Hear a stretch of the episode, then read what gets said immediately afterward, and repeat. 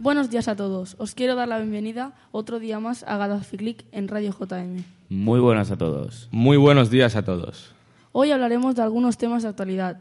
Eric, ¿qué vienes a contarnos hoy? En el programa de hoy os vengo a hablar de la retirada del icono del madridismo, el eterno capitán. Un 29 de octubre de 1994 comenzaba la aventura de Raúl González Blanco en el fútbol y un 16 de noviembre de 2015 ponía el punto y final.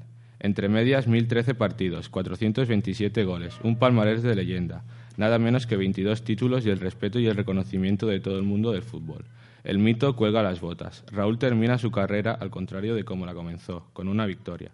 El Zaragoza y el Ottawa han sido el prólogo y el epílogo, el epílogo perfecto de un futbolista incombustible, que nunca se ha rendido y que ha llegado donde lo ha hecho por una capacidad extraterrestre de superarse continuamente. Sin duda, la leyenda continúa. Estoy completamente de acuerdo con lo que nos has contado, Eric. Raúl es, ha sido y será un ejemplo para todos. Pero ahora vamos a cambiar de balón y comenzamos con la sección de baloncesto, en concreto con la NBA. Y la noticia de un español, Pau Gasol, puede ser agente libre en 2016, siempre y cuando el jugador lo desee.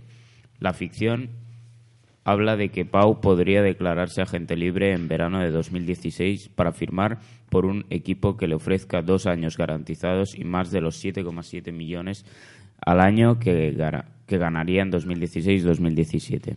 No es descabellado salvo por el hecho de que Gasol no es un jugador que se haya movido por motivaciones económicas, como demostró con su salida de los Lakers donde hubiera ganado más.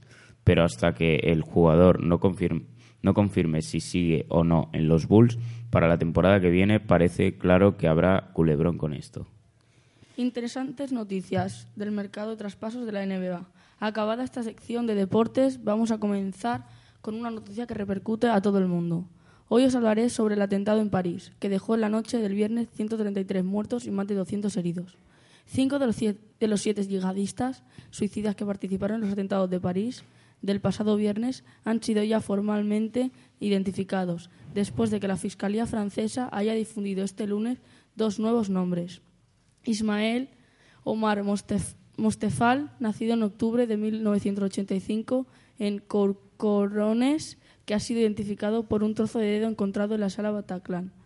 E Ibrahim Adeslam, con residencia en Bélgica, este terrorista de 31 años, nacido el 30 de de julio de 1984 se inmoló este pasado viernes en un restaurante de Boulevard Voltaire, donde hirió a una persona. Además, las fuerzas de seguridad siguen la pista a varios sospechosos de estar, de estar involucrados en los ataques. Con todo esto, ¿vosotros qué opináis, chicos?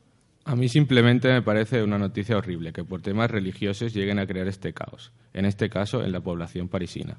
Estoy contigo, Eri. Parece espantoso lo que está sucediendo y que, y que hasta que no ven el peligro no ponen remedio a esta situación. Mm, sinceramente no voy a decir que es lo más lógico de hacer, pero de una forma u otra sí que veo más o menos normal que Francia prepare un contraataque hacia ellos para que sepan que no son los más fuertes, pese a que ello pueda conllevar en el peor de los casos una catástrofe. Veremos cómo acaba finalmente este tema que esperemos que sea con la mejor solución posible para todos. Gracias por estar con nosotros y hasta la próxima.